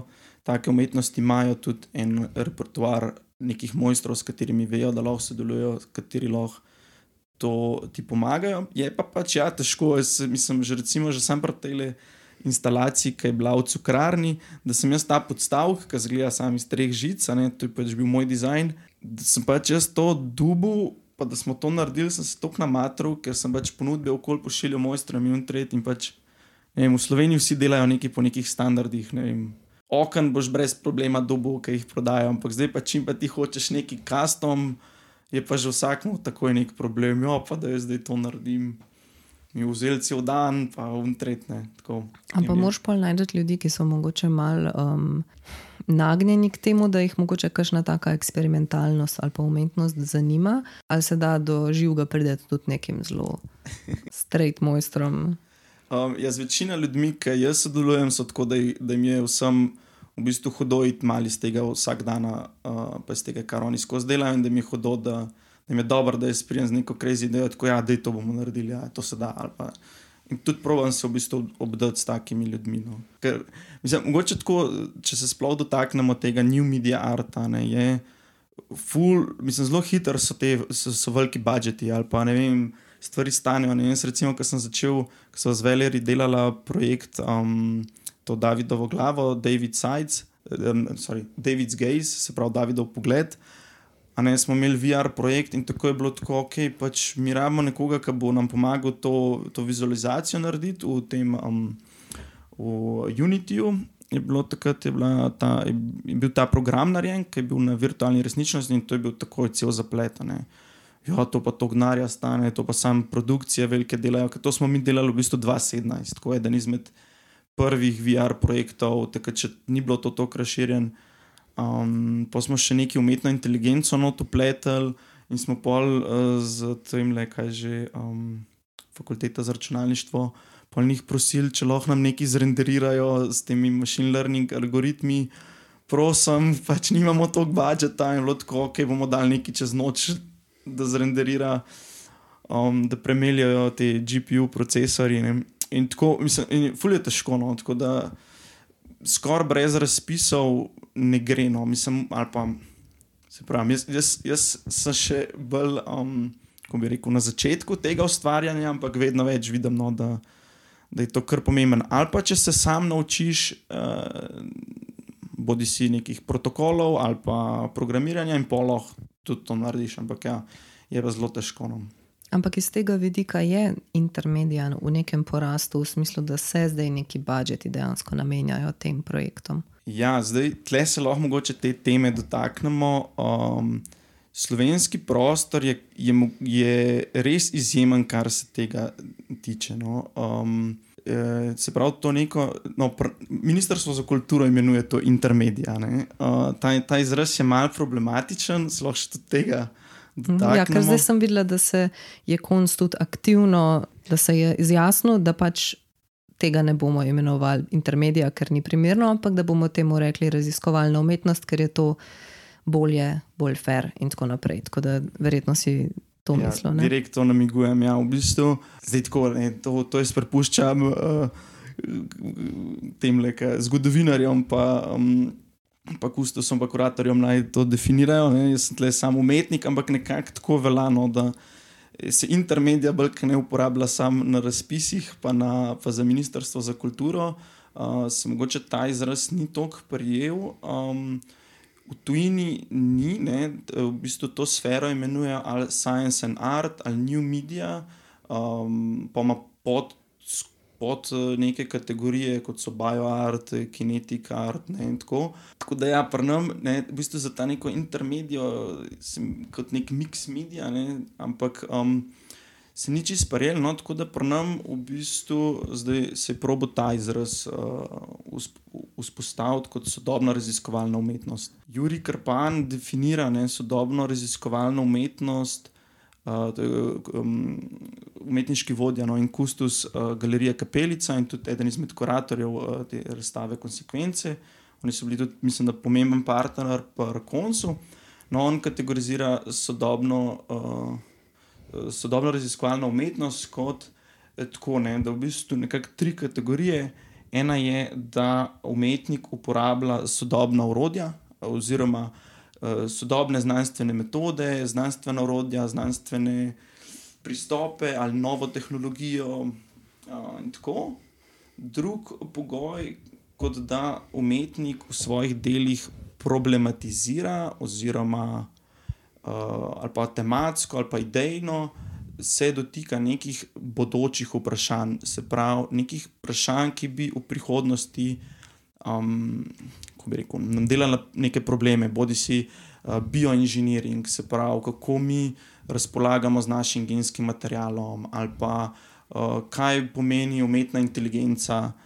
Uh, za vem, razvoj človeštva in gordo. Da v bistvu kao umetnik tematizira neke neke sodobne probleme.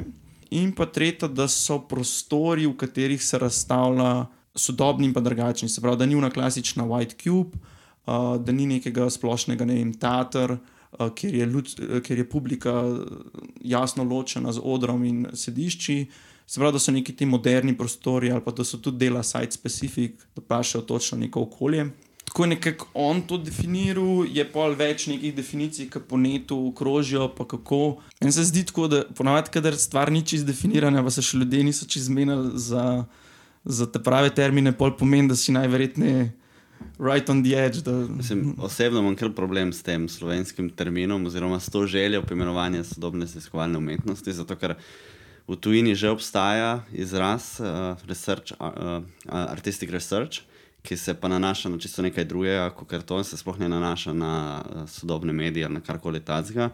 Uh, oziroma, je problem, da tudi v tujini to še ni povsod definirano, ampak ker tisti, ki se še uporabljajo za raziskovanje znotraj umetnosti, kar bo bil, bil analog, uh, tako kot se raziskuje znotraj znanosti, potem je bil analog raziskovanja znotraj umetnosti, ki uporabljajo umetniške metode za raziskovanje česar koli, kar ti delaš kot umetnik to je lahko, to je lahko tudi v bistvu slikarstvo in ti raziskuješ znotraj tega z nekimi uh, umetniškimi metodologijami, z, meto, z umetniškim pristopom in tako dalje. Uh, in se bojim, da če bomo mi sprejeli ta izraz sodobna raziskovalna umetnost, da bomo prišli na isti problem, kot smo zdaj z intermedijo, da mi, bo, da mi bomo imeli tukaj en izraz, ki bo pomenil nekaj, v tujini bo pa pomenil nekaj drugega. Jaz sem sicer že to, to od Jurija tudi že slišal. Jaz, jaz pravim, da imamo dve stvari. Ne? Da imamo artistic research in research as artistic practice. Kar za me bi bilo to drugo, bliže temu, kar pravi uh, tudi Karpan, torej v raziskovanje kot metoda dela v umetnosti. Ne? Sej veliko te umetnosti uporablja znanstvene metode in tako ravno za ta namen. Ampak ja, mislim, da na koncu dneva ostaja vprašanje odprto, kaj bi bilo najbolj pametno. No? Tudi ja. jaz. Um, Se pravi, jaz sem artist, tako da me pač sam te stvari zanimajo. in Pač, Se eh, hočeš malo ogniti te odgovornosti, se- ja, ja, ki je na se- drugih. A veš, to bojo kuratorji, pa Ja, naj se to zgodovinarji, pa teoretiki. Ne? Naj se to oni izmenijo, jaz bom pa vmes. Uh, Ti boš pa delal. delal tiste stvari, ki me zanimajo. Um, ampak ja, no, je dober ta termin, ta, ta izraz je mal problematičen. Um, zdaj v tujini so ga, mislim, se tudi, se tudi različni uporabljajo. no, Tudi Ja, ja, science and art, new media. Jaz pa mislim, največja skrb pri meni je dejansko zelo eh, v bistvu bolj politične ali vsakodnevne narave v Sloveniji zaradi uh, teh um, samozaposlenih v kulturi. Že z uh, intermedijsko umetnost je prišel velik razkorak med tem, kaj ne bi to bilo in kdo se vse prijavlja na to in kdo vse to dobiva. Zato, ker intermedijska umetnost bi pomenilo, da je pač samo umet, umetnost na presehi medijev, in včasih to celo gre skozi ministrstvo. In recimo, zato, ker imamo mi, kot imamo mi narejen ta samozaposlen v kulturi in kot imamo mi razdeljene stvari, je ogromno umetnikov odpade, sploh če ne delajo strogo v nekem okvirju, ali pa se pač morajo uh, popredalčkati v intermedijsko umetnost. Recimo razno razni uh, AV artisti, padejo ven iz vseh bolj klasičnih AV pogledov, ne? ker pol nisi videast in tako, in padeš, naz, padeš takoj nazaj v intermedijsko umetnost. Zdaj pa, če bi bili pa raz, v sodobni raziskovalni umetnosti, bi pa izgubimo vse te artiste, oziroma vse te umetniki izgubijo možnost podpore. In iz tega vidika me bolj skrbi, kaj bo tako. Jaz, jaz iskreno, kaj bi jaz naredil, jaz bi ukinil te meje, ki jih imamo, virtualne neke. Slikar, eh, glasbenik, dramaturg, eh, ker na koncu dneva imamo umetnost tako širok pojem in postaja toliko ljudi, ki delajo na presečiščih, da ne vem, zakaj eh. Ja, zato, ker ti moš budžet pa vsem porazdeliti. ne. Se to ne gre za budžet, to gre samo za.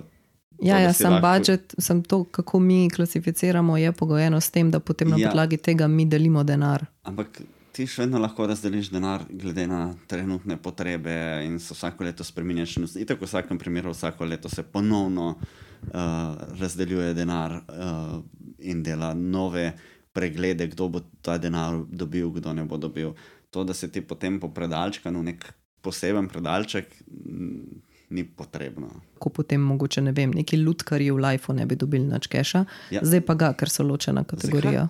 Se bi lahko le tako namenili, ne vem, tok in tok eh, sredstev za, za lutkovno gledališče. Sej Ja, to- sem pol ga moraš že opredeliti kot gledališče. Ne, ne moš ti sam reči, da bomo 5 milijonov kulturi. Komu? Ja. Se ne da 5 milijonov kultur. No, pač, si. Sanjaj. No, Mogoče, bi jaz- sem mogoče pol se kle tudi hotela dotakniti, ker ti si razstavljal tudi na, v tujini in na tujih festivalih. Recimo, lih, lani si mi razlagal o, temu, o tej Ars elektroniki, ki je tudi tukaj zdaj bila v bistvu malo upletena v koncu, uh, ko je prišel ta, ta glaven direktor, uh, je imel speech. Kakšne so bile izkušnje pa tam? No? A recimo, a je tam neka ta. Nek ta Neka ta vrzel med Slovenijo in ne Slovenijo vidna, ali je to nekaj, kjer mi dejansko kipapamo? Tle bi mogoče se sam mečka navezal, se pravi na ta, na ta kategorizacijo, ki sta imela glih eh, tak um, mini brainstorm. Uh, prej sem hotel še to dodati, da je Slovenija izjemna glih zaradi tega, ker so na Ministrstvu za na kulturi tudi prepoznali, se pravi, to intermedijo kot neko svojo kategorijo. In tudi v bistvu zaradi tega se financira ta, uh, ta del umetnosti, se pravi, ta del umetnosti ne pade v, pod ostale. Uh, in recimo, ko se doskrat v tujini pogovarjaš uh, z drugimi, so vsi čisto presenečeni, kako imamo mi, tako mehna država, toliko uh, izjemnih in pa priznanih intermedijskih umetnikov. In tudi na tem festivalu Ars Electronica skoraj vedno um, smo, imamo zelo močno prisotnost uh, slovenskih umetnikov. Um, in tudi tele, uh, se pravi, recimo Galerija Kapelica, pa Zavod Projekta Tol, um, pa še kakšni drugi, no, so zelo vidni tudi kot producenti um, izjemno, kvalitetne, uh, izjemno kvalitetnih projektov, ki so tudi razstavljeni po tujini. Um, in nas doskrat sprašujejo, tako, pa, okay, kako zdaj tle ena Slovenija, če smala, ima kar toliko nekih izjemnih umetnikov. Um, in mal je tudi ta razlog, no, da, je, da je ta del umetnosti priznan in da se ga podpira, da se ga financira. Ne, in tudi uh, tele um, večji intermedijski festivali se tudi zelo visoko kategorizirajo kot gostovanje v tujini. Ne, tako da, recimo, če ti uh, sodeluješ na Ars Elektroniki festivalu, se skoraj tako visok šteje, kot recimo, no, ne čez, ampak v tem razpisnih kriterijih, kot recimo Beneški uh, Bienale ali pa Art Basel ali pa par teh večjih festivalov in Ars Electronica je tam gor zaradi tega. In v bistvu, če ti greš, če si ti povabljen, da um, razstavljaš na Ars Electronica, ne lahko dobiš tudi sredstva iz Ministrstva za kulturo, ki so namenjena ne produkciji, ampak v bistvu izvedbi tega gostovanja. Se pravi, prevoz umet, eh, umetnine, gor, postavitev, mogoče ekipa, snemanje, promocijski material in tako. To nas, take stvari v bistvu omogočajo vse to. Meni osebno, jaz sem eh, na, na, na tem razpisu za, za MOL, ne, mestna občina Ljubljana, ima tudi eh, intermedijsko svojo kategorijo. In jaz sem tudi na tem tle dubu lansko leto uh, razpis, ne, in v bistvu mi je omogočil, da sem lahko ga izvedel v taki meri, kot sem ga hotel, se pravi, da sem lahko pač uh, kupil določene računalnike, upremo ljudi, plačal, da so mi pomagali to narediti, ne samo fizično, ampak tudi programsko, se pravi, programiranje kot okodijo in tako. In ja, pač take stvari ti podpirajo. Je, ne vem, le, ne, težko rečem, kako je z drugimi umetnostmi. Jaz sem po fotografiji sam videl, tako, da je bilo res težko dobiti karkoli že galerijo, da bi mi razstavila moj projekt, bo kaj šele plačal moje printe, kaj šele da bi dobil kakšno razstavnino. Um, tle ta intermedijska umetnost pa je, da moramo reči, new media art, pa je mogoče malo bolj zanimiv in tudi malo bolj, vid, malo bolj se razume to, da to ni tako poceni, da tudi te neke stvari tudi stanejo, produkcijsko gledano. Ja, smo pa pač eh, Slovenci, imamo izjemne umetnike, no, par, če jih naštejem tako. Marko Pelhan je bil tudi na Beneškem festivalu, uh, so s tem makrole projektom uh, sodelovali, mislim, da 2003. Pol imamo Maja Smrekar, je s Kejna in topologijo dobila uh, Zlato Niko, to je najbolj, najbolj prestižna nagrada znotraj, eh, se pravi, New Media Arta. Ona je dobila za, mislim, da hibridno umetnost. Um, tako pa Robertina Šebjanič, um, Špela Petrič, Saša Špačal. Uh, tako, pravi, imamo par res izjemnih um, svetovno veljavljenih umetnikov, ki delajo res hud art, da tako rečem. Ampak ja, tako da. Pa se ti zdi, da mogoče na vkljub temu, da je to financiranje do neke mere solidno trenutno pri nas, da je pa publika še zmeraj manj dovzetna do torej, new medije oziroma intermedije oziroma raziskovalne umetnosti sodobne, v smislu, da tiste ljudi, ki niso že v tem noter ali pa ki jih ne zanimajo, mogoče kakšne te iz vidika mogoče teh nekih tehnoloških inovacij, nekih teh gadgetov, da je to v bistvu tako dosti zaprta skupina ljudi, ki kroži med sabo, ali imaš občutek, da, da se ta publika veča, da je vedno več ljudi, da so ljudje dovzetni, da jim je treba mogoče samo to na nek boljši način prikazati in razložiti. Ja, jaz upam. Da se veča. Um, je, mislim, da je to zelo ena taka nišna umetnost. No, tako tudi, ko malo uh, priješ na kakšne otvoritve, pa nam pa tako je zelo en podoben krok ljudi skozi na otvoritvah. Crazy je, koliko imamo dobrih tudi razstav, prnam, no? tako to, da dodam. Res v Slovenijo eh, določene organizacije pripeljejo res tudi sam vrh znotraj eh, novo medijske umetnosti v Slovenijo. Tako da je res tako, ne vem, kot nek prebivalec Ljubljane ali pa Slovenije, imaš lahko priložnost videti res dobre stvari, niti, niti ni treba iti v Linz. Ja, Čeprav... Spomnim, kaj je Axioma pripeljala James Bridal. Ja, ja, pač ja. Tako, takrat, takrat, ko so ga oni pripeljali, je prišla njegova knjiga, in si bil čakaj, kako, kaj. Ko je prišla zve, največja zvezda. Ja. Tudi eh, galerija Kapelica ima kdaj, ne vem, največje tele artiste, ki propeljejo iz, iz, iz sveta te umetnosti in si tako ok, in tam je ne vem. Deset ljudi na otvoritvi. Tako, Bi bil okej. čas, da si tudi zrihta svojo spletno stran, to jih moram spot, spet opomniti, zato ker ena njihova spletna stran je še vedno v flashu, torej ne dela, na drugi pa ni sprotnega programa. Tako da prosim, zrihtajte. Isto, Sem jih že opomnil, Lej, Če si še kapelica, lahko prvoš, da, nima, da jim ne dela eno, mesto tudi lahko za 2,15.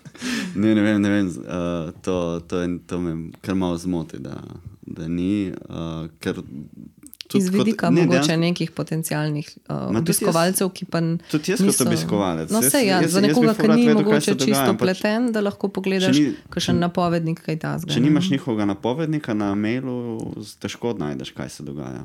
To je pa direkt problem. Že ne par, tako prav moraš biti na vse te organizacije prijavljen na njihove novičnike, da sploh zveš, kaj se ki dogaja, ker Facebook ti Mhm. tako pokaže tri dni nazaj, da je bila otvoritev, pa si tako, ah, to bi šel, kdaj je bilo? Aha, včeraj, ok, Ja, s- never mind. Tudi če, če že govorimo o problemih, o, o obveščanju, ne vem, zakaj je ratalo v, našem, na umetniškem krogu razstave, se objavi. Manj kot en teden prej dobiš novičnik. Ne, ne da bi ti en mesec naprej povedali, da bo nekaj, ampak sam tako slab teden. Ja, Mislim, ne. sej, mogoče, da, je mogoče zig je, del problema. No? ne, mogoče je razlog za tem, po, po mojem, da se stvari zgubijo ljudem, če jim poveš prezgodaj in so se navadili, da morajo zadnji moment. Ja, nek ta sweet spot ne, se lovi. Ja, Daj mislim, se, s tem, da ni nujno. Včasih je to pogojeno tudi s kakšnimi ljudmi, ki zamujajo z Ne. besedili, slikovnim materialom, naslovi, prevodi, lekturami, take stvari. Mislim, meni je osebno problem, ko delam napovednik za koridor, ker pol tako uh, ne Ot- morem dati stvari, ker ne vem, kaj se bo zgodilo. Tudi fajn bi bilo kje imeti en celoten pregled, ne vem, kaj vse se dogaja. Včasih je bil napovednik in včasih je bil art service. Tako Vse je. smo izgubili. Ja. Veš kaj, jaz sem mogoče, um, če smo zdaj že malo bolj um, proti koncu, hotela vsem tako vprašati tebe, prav tebe, ne? kako pa ti razumeš slovensko intermedijo, slash new media art. Ne? Kako bi lahko, recimo, mogoče nekemu lajku ali pa nekomu, ki ni nek nor navdušenc, ki ni eden izmed teh desetih ljudi, ki hodi na te razstave, razložil oziroma ga probal navdušiti, prepričati, zakaj je to nekaj, kar mi nucamo uh, kot družba ali pa kot kulturna scena. In um, ne, kaj, zdaj, kaj to doprinaša znanstv, po eni strani znanstvenemu, kot mogoče nekemu kulturnemu, umetniškemu prostoru, in kako bi mogoče nekega skeptika, ne, ljubitelja oljne figuralike v nekem okrasnem lesenem okvirju, ne, prepričal, da je to pomembno, dobro in da je vredno tega investiranja, o katerem govoriš, da se dogaja in da je do neke mere sicer logično, ampak nasplošno više od nekoga, ki se ukvarja s fotografijo, sliko. Um, ja, wow, okay, dobro vprašanje. Ja, tako v bistvu, če za kogarkoli kaj umetnosti, bi, mislim, je itak fajn, da se mi zdi, že, če si umetnik, moraš imeti malo tudi te radovednosti, po kaj se v drugih vejah umetnosti dogaja. Tako da um, enega tazga sploh, mislim. Se niti ne čutim, da bi ga mogel prepričati, ampak nekako se mi zdi, da te more malo zanimati, ker tudi mene v bistvu vse veje umetnosti zanimajo in tudi jih probam spremljati, kot se da. Um, ampak recimo za nekega lajka, pa če moram tako mu razložiti, sploh, kaj je New Media Art. Um, proba, mislim, ponovadi vedno tako, ne, kadar imamo kakšne delavnice ali pa kakšne izobraževanja za mlade, probamo to tako malo razložiti v smislu, če so vem, včasih eh, slikari delali s čopičem pa platnom, pa recimo kipari z glino. Um, ne, je New Media Art ali pa neka ta sodobna raziskovalna umetnost, se ukvarja z neko, v bistvu, na mestu teh urodij uporablja pa pač New Media, se pravi nove tehnologije, um, pa dedni material ali pa vem, biološki material ali pa uporabljamo živali znotraj instalacij in tako. In pač je to ena, ena sfera, ena naša kultura. In jaz mislim, da tudi mladi bojo vedno bolj razumeli to, no? Eh, ker so pač v gor odraščali s to tehnologijo.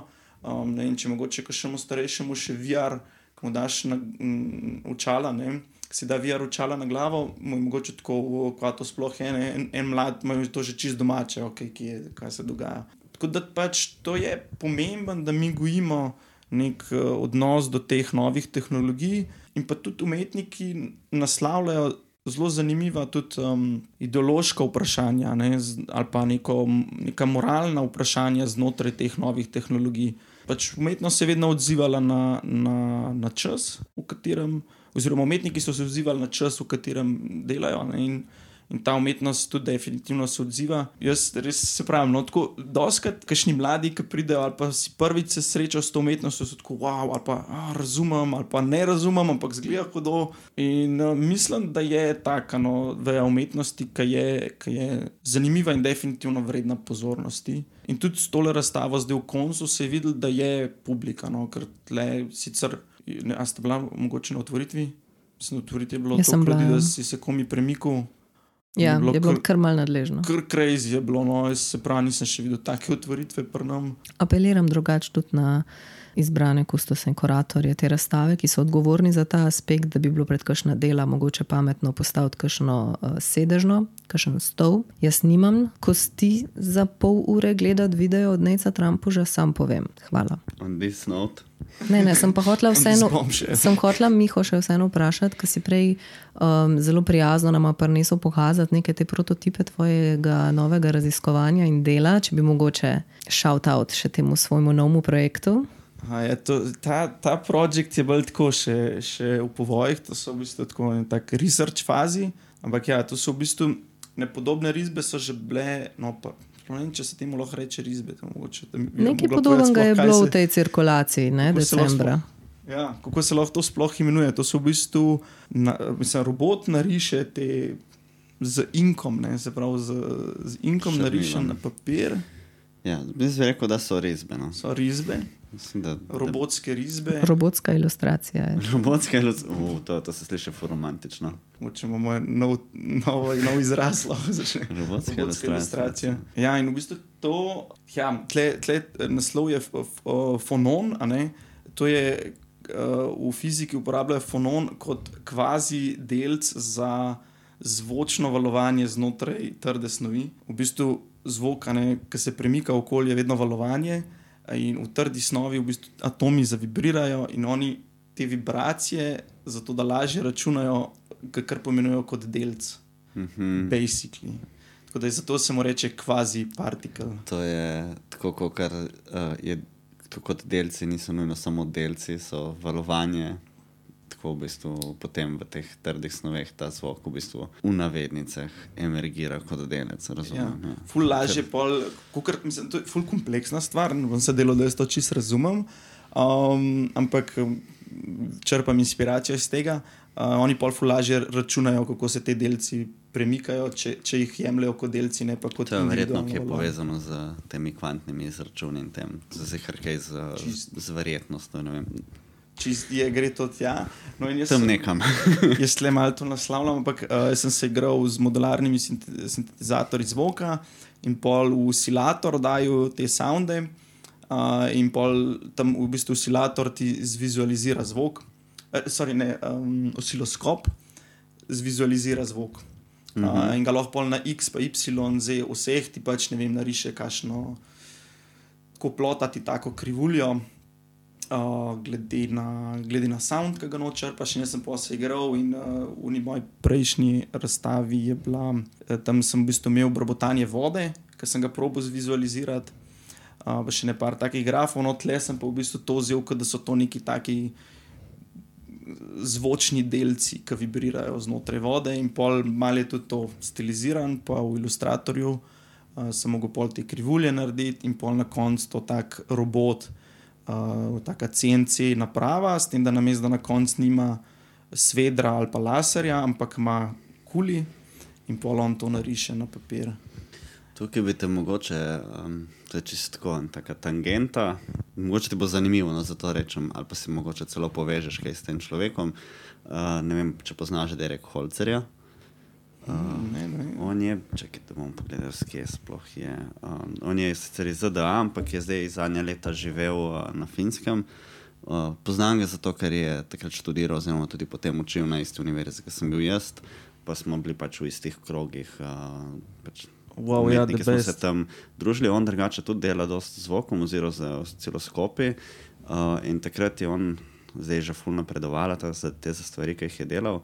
On je takrat potem uh, delal neke vizualizacije, v bistvu prav podob z osciloskopi. ja. Take dosti zanimive stvari. Um, ampak mislim, da tako, kot se zdaj omenjal, uh, da bi videl, mogoče imela kaj skupnega tam. tako Da, Maybe, Če rabiš kontakt. projects. Ja, z veseljem. ali pa, po mojem, lahko tudi sam kontaktiraš, je dosti skoliran šol model. Tako mala scena. Ja, je kar mala scena, zelo specifična. No.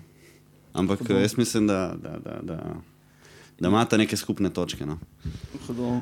Ja, dosti kakšnih teh umetnikov tudi pol z laserji riše, sound. Mm. -hmm. uh, Naš pa- Tadej Drolc, ki je bil tudi tam na konsekvencah, mogoče še njega omenimo, že ko govorimo o laserjih. Ja, to je bil uh, amazing performance. Uh, On je kar ratov, uh, kako se temu reče, slovenski poster child za lasersko umetnost. ja, ja, ja. Ne, kr crazy stvar je zgradil. No, tako, uh, sem ga hecel, da je to projekt, ki je šel out of hand, ki pa če zgleda res kot en Stargate, ampak res amazing, no, tudi tako, kako on uh, sound, pa kako se sound, pa, pa zvok in slika, ne, pa vizualno prepleta ne, pri njemu s, to, z algoritmično umetnostjo. Ne. No, ampak uh, mogoče se vrnemo na ta tvoj um, fo fonon. Fonon. Ja, fonon. Uh, te uh, prve teste, ki si nam jih prinesel, so narejeni na, se rekel, na ta klasičen star ploter, tako kot so bili za arhitekturo. Ne? Uh -huh. uh, nekaj smo se že predtem pogovarjali. Um, nekaj si omenjal, da te, da te risbe so sicer perfektne v navednicah, ampak niso. ne. Uh, da ima več o tem. uh, Te, te, te, te tehnološkem aspektu, oziroma ne tehnološkem aspektu, ta analog-digital moment. Ja, malo je vedno tega, ko misliš, da okay, se robot kao perfekt naredi, ampak tudi, ko sem delal za to razstavo v, v um, cirkulaciji, pa s temi, ki se igram, ne, prav vidim, da v bistvu vedno ali ki, ki malo drugače zamakne. Misliš, da je uno perfekt ali pa da bo vsak isto. Um, ampak ima vedno malo unga, ki bi rekel, human touch, not, da ima robot human touch. not. Ampak ja, tako je zanimivo, no, da kakorkoli bi naj bila vsaka kopija, ima še zmeraj malo mal unikatne.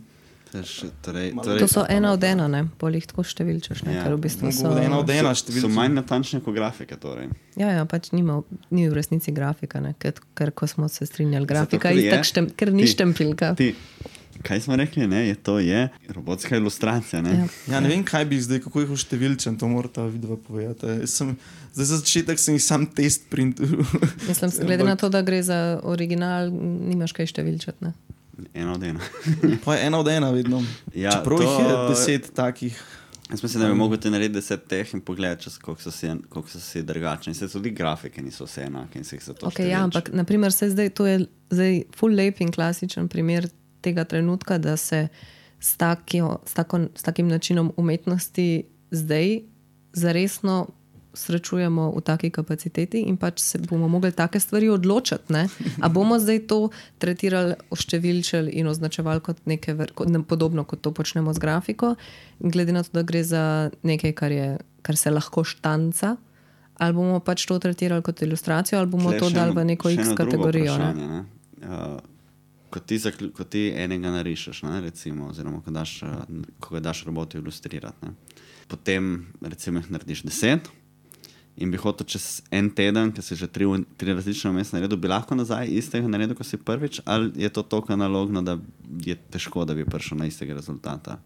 Načeloma bi, mo bi mogel biti podobna, ne, bi mogla podobna podoba biti, kot je bila na začetku. Sam, je zdaj ok, to pol kako je papir, bi not ustavljen, kako kuli, če unkej zamaknil, mes med delanjem. Ampak v osnovi bi mogel jih dobiti. Ja, pol, pol je to, ki je sploh 10, 20 vprašanje. istih, ne. Pravim, da je pol je sploh vprašanje, če je smiselno, smiselno to številčiti, zato ker je ta problem te neomejenega suplaja. No, Okay, ampak se, če imaš tile, so res, Ga uničaš. ja, loga tudi ne.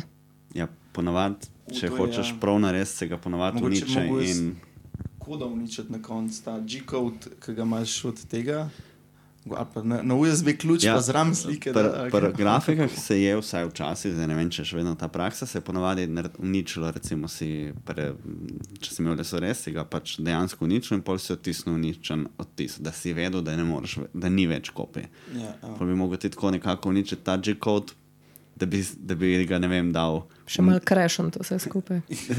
ti objavljati uničenega, uničen G-code, ki pač ne vem, nek, nek skripto narediš, ki skrempla cel G-code, tako da ga ne moreš več dobiti, pa to objaviš na splet, da vejo ljudje, da Ja, ga pa, ni še, več. pa, še pol, pa še vektorski file bi isto mogel. ne. Tako, Ja, ne vem, se, kako je pa vse fotografija, digitalna, isti problem. Ne. je, je dejansko ta problem, pol se pač na, Pol je rekel, ta- na zaupanje. Artist uh, Trust je pol na koncu, je on res sam desetih naredil, a je limited edition. Se pravi, ne vem, lej, to so spet te neke nove, nove, nove tehnologije, ki odpirajo. Jaz sem tako ali tako za demokratizacijo umetnosti, ker je neuzdržno, da se gremo nek elitizem. A da si vsak, da jaz dam v bistvu ta džiko odgor in Ne, ne, ne, ne, ne, ne, ploterjem da, ga ne da si ti nujno daš gor. Ker imamo vsi to doma. Ja, da si vsi na svoj ploterček doma. Ja, realno niso več tako dragi. Ti, nimam, nimam 10 ur za art, imam pa 10 ur za ploter, a veš. Ja, ful so poceni, jaz sem tega ful celej dobil. Tako, um, Ja, ja, se verjamem, se včasih so bili dragi, zdaj verjetno res ne več to, taka reč, kot je bila včasih. ja. Um, AliExpress. ja, ne, ne, se- čudeže. Ni, ni bilo mišljeno demokratizacijo v smislu, da si mora vsak imeti možnost to doma natisati, ampak to, da ni nujno, da se gremo. Sem, jaz sem bolj tega mnenja, da bomo mogli preiti iz tega sistema uh, unikatnosti in uh, elitizma, ampak da bomo mogli najti način, kako podpirati umetnike, da delajo, kar delajo, pa pač tudi če se stvari ne prodajajo v tem smislu. Ker, vem, ravno pri intermedijski umetnosti ne, te, te stvari niso vse take, da bi si jih lahko nekam doma postavil in imel za, za izbirko. Ne. Ja, intermedija, pa new media je kar problematična. Že prej smo se malo te hrambe dotaknili, ne arhiviranja. To imajo tudi zbirke, načeloma po svetu, pa muzeji, pa um, galerije imajo kar problem. No, zaradi tega, ker doskrat gre tehnologija naprej, se pravi, ne vem. Si imel neke stare DVD-pleje, pa zdaj ne vejo, čist, ali bi mogli tisti DVD-pleji nujen biti v tej instalaciji, čeprav bojo, car, bojo se pokvarjali in pol ne, bo, ne bojo ne vem, teh več mogli kupiti. A ne, a je zdaj del te umetnosti, da mora nujen DVD-plejer poganjati to sliko. Mm -hmm. a, kako to arhivirati, ali lahko zdaj to ne vem, en Raspberry Pi ali pa en računalnik poganja v video. Ali pa ne vem, in, in je doskrat problema, ne, ali pa ne vem, zdaj mi uporabljamo neke Arduino te ali pa neke motorčke in pol čez ne vem, pet let, lo, da bo to vse čist nekaj drugo in to se pokvarili. Tako da ja, je mal problem. Ali pa recimo še hujše, če imaš ti nek biološki material, ne, recimo od Maja Smrekar je bila ta. Uh, Um, ta uh, instalacija K9 Topology, uh -huh. uh, pa pol, mislim, da je bila Hybrid Family, ker je ona v bistvu to svojo zarodno celico naredila, uh -huh. hibrida med svojo zarodno celico in psom, so z gensko zmanipulirali. Ne. Sicer po zakonu uh, lahko mislim, da samo do sedmega dneva imaš te celice, in oni so pol jo zamrznili. Ne. Uh, in pa je bil art piece, je bila ta celica. Ne. Kako boš zdaj to prodal, kako boš to zarhiviral. Uh, ne, to je, se pravi, ta, ta art ima. Vse se to Imamo pravi, da te- se mi zdi, da je pomembno, da začnemo razmišljati, kako nuditi umetnikom možnost delati, ne pa, nujno, ne pa ni- vse nujno razmišljati o tem, da mora biti arhivirano, oziroma pospravljeno, oziroma zbrano nekje. Ja. Ker ni vsa umetnost taka. ne kako boš zdaj, ali pa ne vem, recimo prodaš neko, uh, neko instalacijo, ki ima neke gibljive dele, a ne, in pač, pa neko kinetično skulpturo, ki se premika. Um, Ja, vzdrževanje, ne, če se pokvari. Ja, ja imaš zdaj Aha. ti. Najdel. Gonzales Torresov, a, torej, a, tako kot ti so recimo Gonzales Torresovo delo, ki je postavil en kup a, bombonov v kot a, a, v galeriji in je bilo pač mišljeno, da se to pobere. Ne. Zdaj tega ne moreš arhivirati, če zgine. Tudi prodaš težko. Ja. In, uh, ampak uh, še vedno se da nekako arhivirati kot dokument, in to se je Vse podobno je s performanci. Ne? Ja. Ja. Ampak ja, ima pa ta art spet nek, neke druge probleme. Ne? Recimo to, kar sem jih načel, mehanska. Ne? Če imaš neke mehanske kinetično skulpturo, ki se nekaj premika, se pravi, veš, da se bo motorček ali bo se pokvaril na eni točki, ali se bo zobniki obrabili, kako zdaj to narediti. se bodo ne? alge zaredile Se noter. bo- Ampak to, to, imamo zdaj, to imamo zdaj že kakšnih 40 let, vsaj izkušenj s, temi- s tem kinetičnim artom, takim in drugačnim, in z motorčki in stvarmi. Ja, Glavnem, vse to je del. Te zbirke imajo pol svojega tehnika, ki skrbi za to. Ali pa recimo Robertina Šibjanič eno svojo instalacijo, ne, ki je v bistvu bioart instalacija, prodala v, uh, mislim, eh, no, jo je. Odkupila jo je ena zbirka, ta uh, španska, ena znana zbirka. No, skratka, in oni ne, tam noč so meduze v tisti instalaciji. Mm. -hmm. Zdaj, uh, Aurelija. Um, Ne, meni se sam smilijo tiste meduze. No, tako da te zdaj, ja, da te zdaj sam, da rešim te meduze. ne, tako načeloma je pol ta artpis tako narejen, ne, da se vedno pol te meduze sposod. Se pravi, kadarkoli je artpis razstavljen, se sposod meduze od um, akvarija lokalnega ali pa nekje, ki je blizu. Uh Mhm. so pol, in te meduze so v bistvu te del instalacije, so te neki posebni inkubatori, tako da te meduze načeloma se imajo ok, uh, ker so to prav posebni inkubatori za te meduze. In pol po koncu instalacije grejo nazaj v akvarij. Okay. Um, Sem se, če morajo zbirati med akvarijem in inkubatorjem, pol je to itak tam tam. Šle na en izlet. Ne vzameš jih iz morja, a veš. Frida meduza. tudi, ja. no, tako recimo se tem tle rešuje, ampak ja, imaš pa ne vem, doskrat kakšne podobne projekte, no, ki so zelo specifični. in tako. A bomo zaključili mi tole počas? Kakšen, ja. uh, kakšna zadnja misel? Miha? Um, ja, no, če pridete kaj pogledat, uh, super razstave ali pa zanimive projekte, ki se dogajajo uh, v Sloveniji in po Ljubljani. Se pravi, no, v Sloveniji, mislim, res je crazy, no, koliko imamo dobrih enih uh, razstav in festivalov, in na obali imamo Izis. Da naredim še malo reklame no, za slovenske festivale.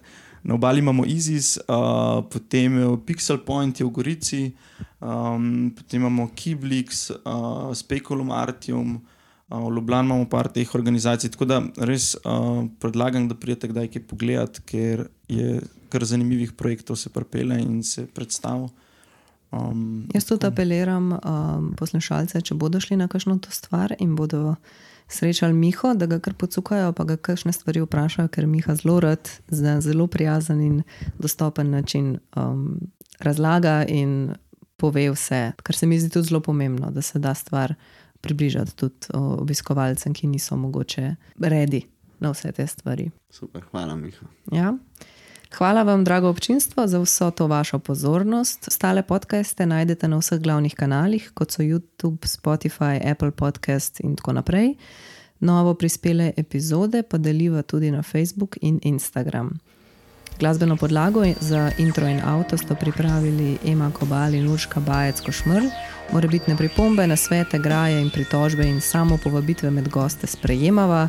Po sili razmernama lahko pošljete tudi vaš gameplay, ki bo krasil najeno premikajoče se ozadje na YouTube videih. Čau, čau! Čau, čau.